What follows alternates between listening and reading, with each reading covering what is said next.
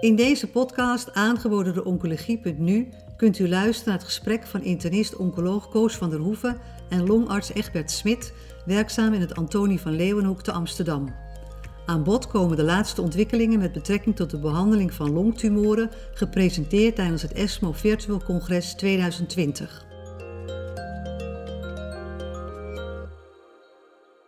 ESMO 2020, virtueel, met heel veel belangrijke presentaties over longkanker. En ik ga erover praten met professor Egbert Smit, uh, longarts in het Antonie van Leeuwenhoekhuis. Welkom Egbert. Um, ik wilde beginnen eigenlijk met goed nieuws. Um, systemische behandeling van stadium 4 met immunotherapie. Er waren twee belangrijke updates.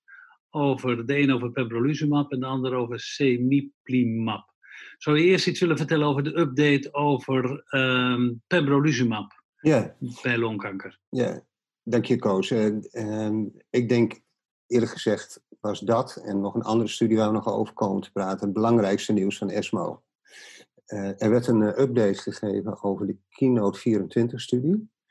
Uh, voor de herinnering, dat is een studie waarin patiënten die hoog PD-alleen hadden, dus meer dan 50% tumor proportion score, gemeten met een, met een C24-SC, die werden gerandomiseerd tussen een single agent pembrolizumab of chemotherapie.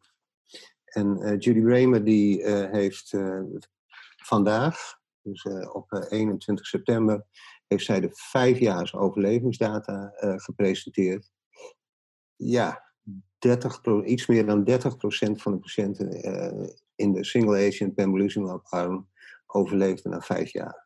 Dat is ongelooflijk, hè? On, je, ongehoord. Ja. Als je ja. mij vijf jaar geleden had gevraagd, denk jij dat er in 2020 30% van de mensen met stadium 4 longkanker, weliswaar een, een geselecteerde groep, hè, dus ongeveer een derde, denk ik, gemetastaseerde setting, na vijf jaar nog in leven zullen zijn, dat ik zeg, nou, ik denk het niet.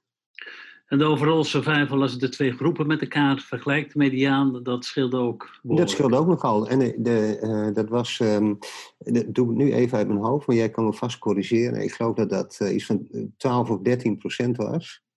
Het was 14 versus 20 maanden mediaan. Ja. ja. maar, maar vooral die staart. Dat, ja, bedoel ik. Die, ja. Die, daar, en daar zat ook natuurlijk een heleboel crossover nog in. Ja. Ik denk dat we daar ook nog eens even goed over na mogen denken. Want uh, ja, hoe komt dat dan? Kennelijk is het zo dat die mensen, die, uh, die langdurige overleving, die komt onder andere uh, komt die tot stand doordat mensen initieel behandeld worden, ja. behandeld worden met pembrolizumab of met een PD-1-remmer. Ja. En niet met chemotherapie. Want voor de goede orde, in ja. de met chemotherapie uh, behandelde groep had 60% die had crossover gehad. Ja, correct. Ja. En die, die, die trekken dus niet meer bij. Nee, nee. Ja, dus dat pleit erg voor de ja, eerste lijn. Absoluut. Um, dat, dat waren zowel plaveisel als adenocarcinomen. Het Correct. enige was dat ze PDL-1 meer dan 50% ja. moesten hebben. En dan waren de patiënten met de EGFR-mutatie, die deden er niet aan mee, hè? Nee, die waren mensen met een gekende oncogene driver-mutatie waren uitgesloten van deelname aan deze studie. Ja.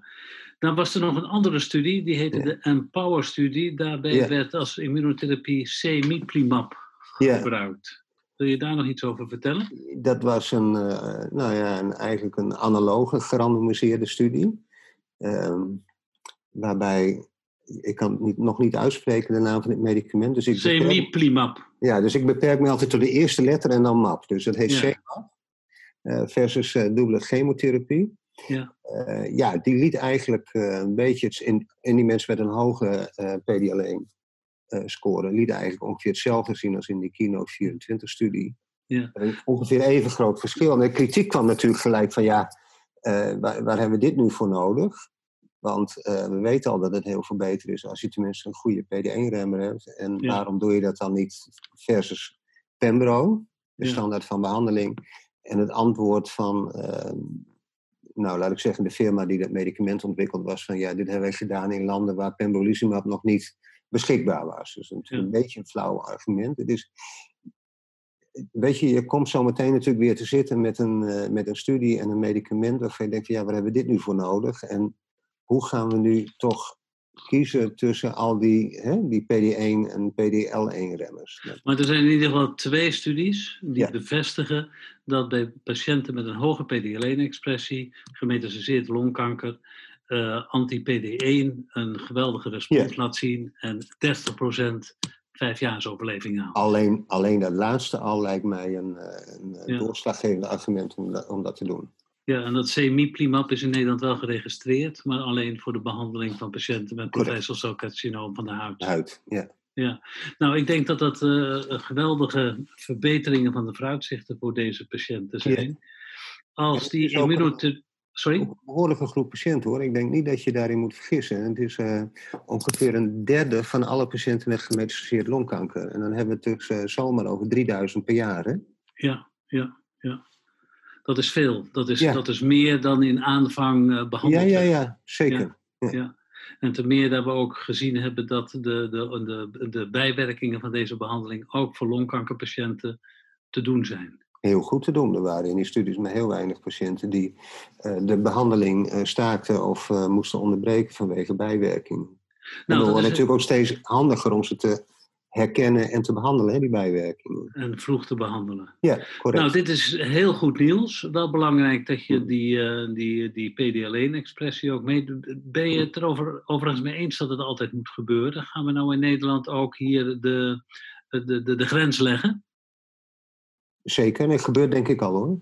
Ja. Uh, ik denk dat een PD-1-immunohistochemie behoort uh, inmiddels tot de standaarddiagnostiek van patiënten met longkanker. Als medicijnen goed werken bij de gemetastaseerde ziekte, dan wordt er ook altijd gekeken of dat in andere stadia van de ziekte kan worden ingezet. En zo wordt ook uh, immunotherapie toegepast als neoadjuvante behandeling mhm. bij longkanker. En dat is gedaan met e- atezolizumab en met durvalumab.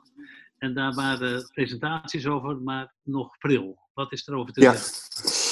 Nou, um, wat er over te zeggen valt is dat met één gift atezolizumab of met uh, drie giften durvalumab, beide PDL1-remmers, aan patiënten voorafgaand aan een operatie met resectabel longkanker, dus die hebben een vroeg stadium longkanker, dat als je dat vervolgens die mensen opereert, dat bij 14 tot 18 procent van de mensen er minder dan 10 procent tumorcellen worden teruggevonden in het dissectiepreparaat. Ja. Dat waren allemaal hele vroege studies. Dat wil zeggen, er waren maar weinig patiënten behandeld in de uh, studie Gustave Roussy 30. En uh, ja, nou, die, die was nog volop in analyse, zal ik maar zeggen. Die studie had nog een korte follow-up. En er was een Franse intergroepstudie uh, met durvalumab. En daar was bij uh, eh, 50 patiënten, doe uit mijn hoofd, was er dus bij 14% van de mensen was er een major pathological response. Uh, minder dan 10% tumor in de resectiepreparaat.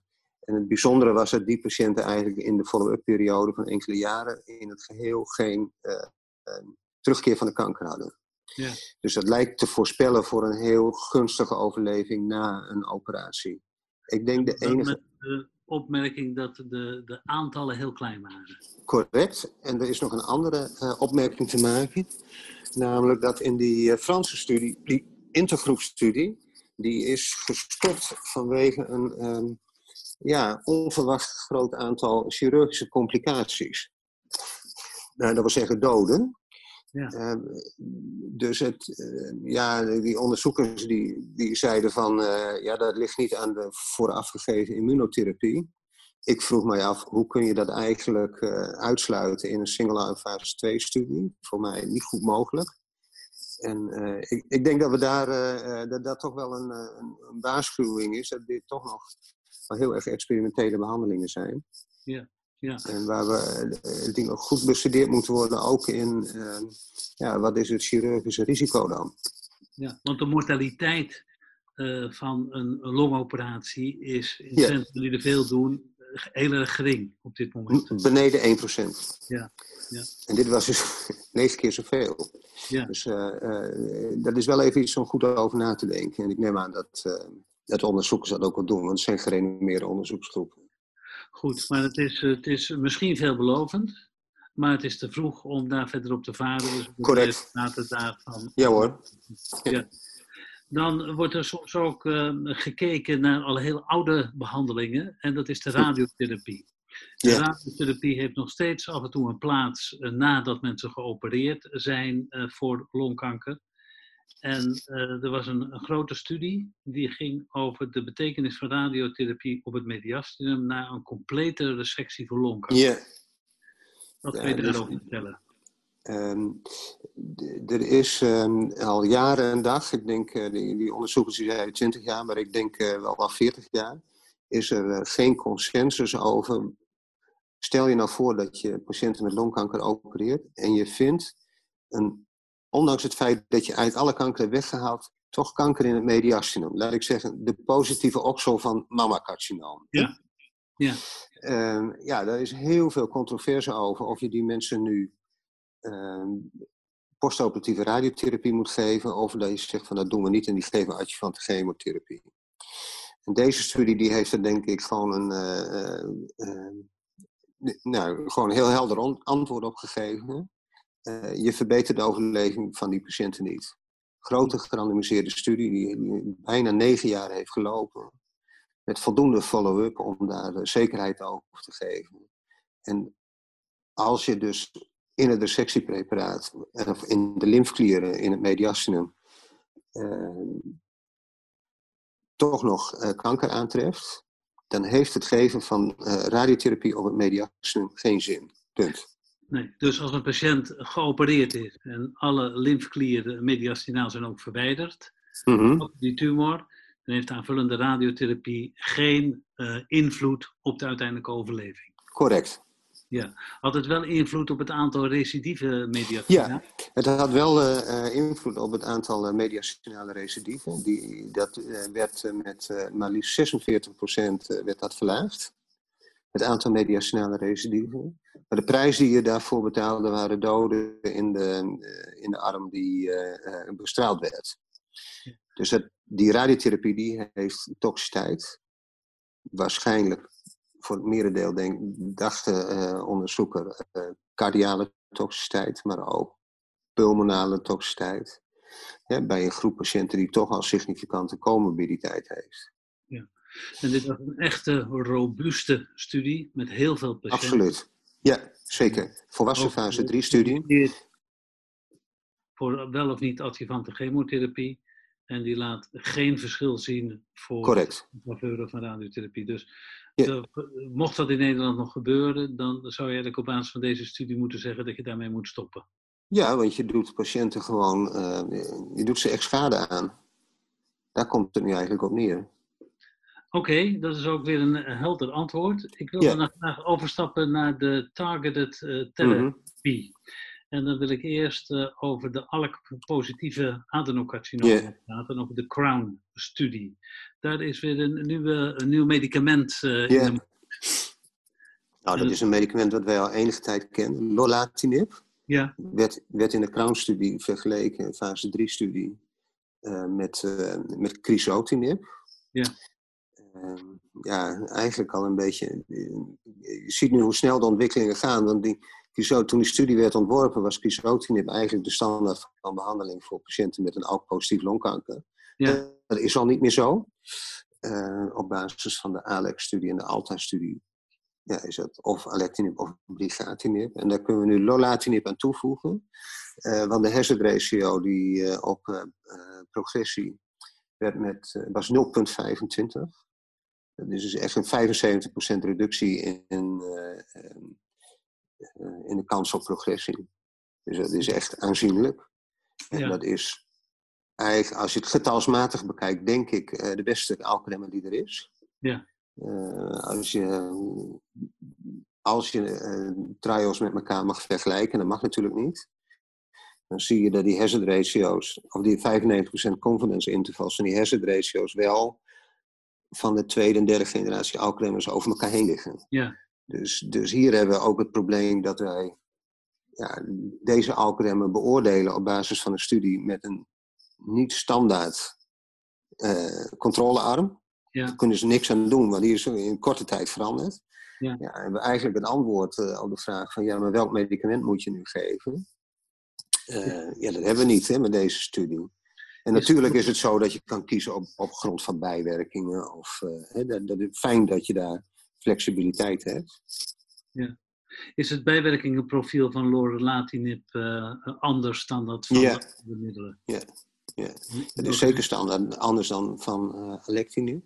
Dat is denk ik het meest gebruikte medicament in Nederland op dit moment voor mensen met een ALK uh, positief longkanker.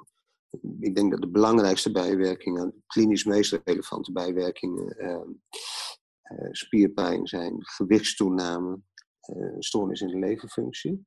Dat laatste delen al die ipjes zo ongeveer. Dus daar denk ik dat je niet kan doen. En prolatinib was een van de allerbelangrijkste bijwerkingen. Hypercholesterolemie. Ja, de vraag is, moeten we daar dan straks weer wat aan gaan doen? Hè? Ja. Cardiovasculair risicomanagement. Ja, bij patiënten met gemetastaseerde ziekte. Zeer longkanker. Ja, dat is, je weet niet wat je, ja. dat ik dat nog een keer mag zeggen. Ja, ja. Ja, maar goed, uh, het laat wel zien dat er daar toch heel veel ontwikkeling is. Dus je hebt eigenlijk al een derde generatie. Ja, nou kijk, ik denk wat het meest belangrijk is, is dat uh, lolatinib, als het gaat over het type ALK-mutatie, een iets breder spectrum heeft. Ja. En die uh, werkzaam lijkt te zijn, niet helemaal zeker, maar tegen de meest voorkomende resistentiemutatie bij alectinib, dat is de G1202R-mutatie in ALK.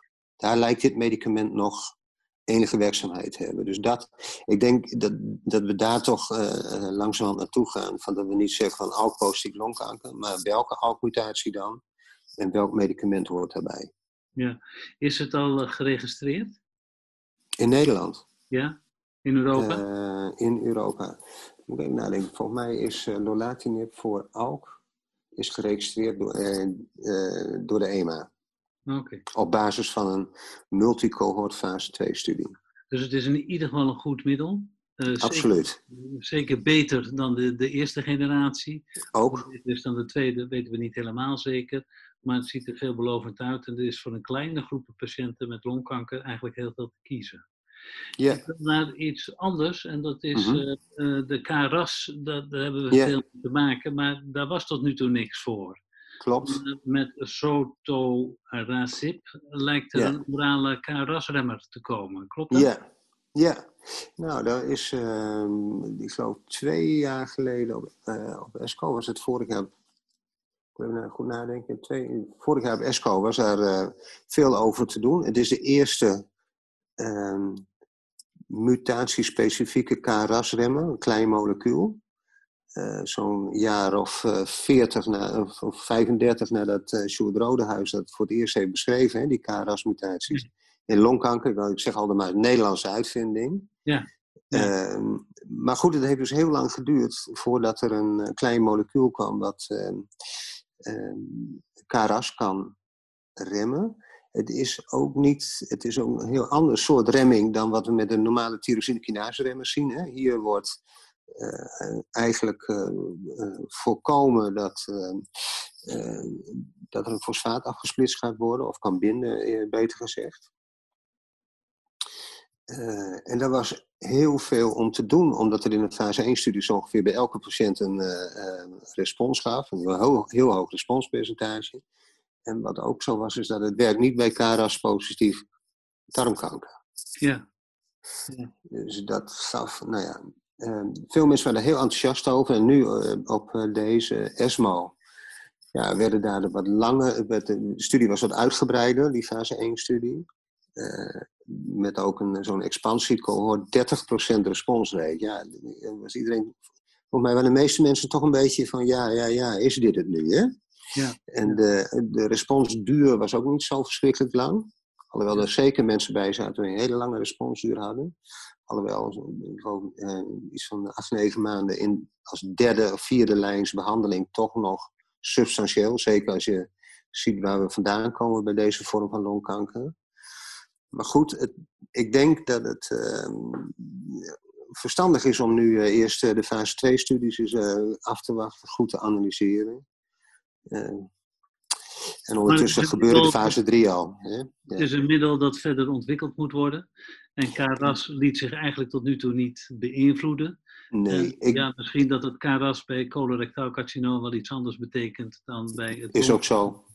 Dat geldt voor de melanoom en eh, longkanker, eh, melanoom en dikke darmkanker ook voor de BRAF-mutatie. Ja, ja, ja. ja, ik denk dat. eh, ik, ik vraag me af of dit medicament toekomst heeft als single agent. Eh, het feit dat het maar heel weinig eh, bijwerkingen heeft, omdat het eigenlijk geen normaal target heeft in het lichaam, eh, zo- zorgt ervoor dat, eh, dat het een kandidaat is met die eh, zich leent voor eh, combinatiebehandelingen. en ik denk de eerste waarnaar gekeken gaat worden, dat zijn behandelingen eh, in combinatie met immunotherapie. KRAS is een typisch roken geassocieerde mutatie. Dus dat ligt heel erg voor de hand om daar naar eh, te kijken. En er zijn ook in vitro data en in modellen, muizenmodellen eh, die suggereren dat dat synergistische combinaties zijn. Oké, maar dat zal allemaal nog wel eventjes duren. Ja, Maar, Maar het is ook niet door de mand gevallen. Dat is dan Nee, ook is de andere de- kant, hè? Ja. Ja, het blijft in de basket. ja. Dan eh, wilde ik nog praten over EGFR, gemuteerde adenocarcinomen. Mhm. Daar eh, kennen we natuurlijk al een heel aantal middelen van. Eh, b- belangrijke, denk ik, de osimertinib, daar heb ik eigenlijk ook nog wat vragen Mhm. over. Maar er was iets nieuws. De combinatie van een middel dat heet, heeft ook weer een hele moeilijke naam, amivantamab. Dat werd Mhm. intraveneus gegeven met dan een TKI en die heet lazertinib. ja. En dat werd eh, primair gegeven, maar dat werd ook gegeven aan patiënten die al resistentie hadden tegen imertinib. Ja. Wat Ja. kan je daarvan vertellen? Ehm, ja. De AMAP, dat is een eh, bispecifiek eh, antilichaam, waar één pootje gericht tegen met en één pootje gericht tegen EGFR. Eh, en je moet weten dat eh, ehm, met amplificatie een belangrijk resistentiemechanisme is voor behandeling op eh osimertinib. Mhm. Ehm, en eh, er zijn een heleboel studies gaande waarbij eh, op metgerichte behandelingen worden toegevoegd aan een derde generatie EGFR-remmer. Meestal dus osimertinib, maar in dit geval lazertinib. Ook zo'n eh, derde generatie EGFR-remmer. Eh, in de resistent, in, bij die patiënten die progressie hadden op osimertinib. En daar had het een 38% responsrate. Ja, En dat in een kleine groep patiënten. En ik denk dat dat echt wel de moeite waard is om dat verder uit te zoeken. ook voor verdere ontwikkeling. Dan wilde ik als laatste nog praten over de osimertinib. Daarvan weten we dat het in de gemetastaseerde setting heel goed werkt. Mhm. Ook na vijf jaar hele goede resultaten laat zien. Dan gaat het altijd naar de adjuvante setting waar het in onderzocht wordt. Daar was bij de ESCO was er al een presentatie over. Misschien nog in het kort herhalen wat die resultaten daarvan waren. Nou, die resultaten die, die, die zijn eh, eh, zichtbaar geworden voordat de studie formeel een einde had. Want eh, de, ziekte, de hazard ratio van de ziektevrije overleving was zo goed, ergens in de punt 2,5 of iets dergelijks. Ja. Dat de Independent Data Monitoring Committee vond dat er gedeblindeerd moest worden. Of althans, de resultaten eh, gekend moesten worden. Maar de, ziekte blij- de studie blijft nog geblindeerd. Dat is ook wel bijzonder, maar eh, goed. Dat, Ja. dat gaat er dus gebeuren. En eh, op deze ESMO waren er ehm, aanvullende data, met name over, ja, maar bij hoeveel mensen komt dan de ziekte terug in het centraal zenuwstelsel. Nou, dat was ongeveer dezelfde orde grootte, de hazard ratio, als die voor buiten het centraal zenuwstelsel. Dat verbaast je ook niet echt, want nou, osimertinib werkt net zo goed binnen als buiten het centraal zenuwstelsel van Ja. EGFR-mutatie. Dus ik, ik- ja, waarom dit nou in een presidential sessie zat, dat Maar had ik geloof ik zelf niet zo gekozen. Maar in ieder geval eh, niet iets onverwachts en het laat hetzelfde eh, nou, hele grote voordeel zien voor als het gaat over ziektevrije overleving. Ja. Voor patiënten met een EGFR-mutatie in de adjuvante setting. En Ja. behandelen met osimertinib. Want voor de goede orde, die, eh, die ziektevrije overleving, die is indrukwekkend. Maar Mhm. op overall survival zijn er nog geen data. Hè? Nou, de- Ik moet je eerlijk zeggen, nee, er zijn nog geen, en geen data. En de data die er zijn laten zien dat de eh, overall survival hetzelfde is. Heel erg prematuur, hè? er wordt ook 70, 7, 7% maturiteit. Ehm, en eerlijk gezegd verwacht ik ook niet dat dat komt.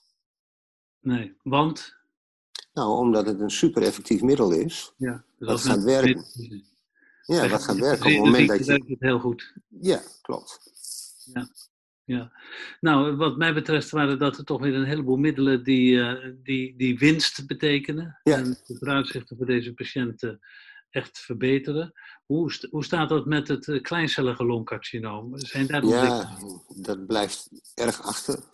Uh, er waren uh, tenminste twee um, gerandomiseerde studies waarbij werd gekeken of het toevoegen van um, immunotherapie na chemoradiatie voor limited uh, disease kleincellig carcinoom. Of dat zinvol was, in, het bijzonder de combinatie van ipilimumab en uh, nivolumab. Nou, negatieve studie.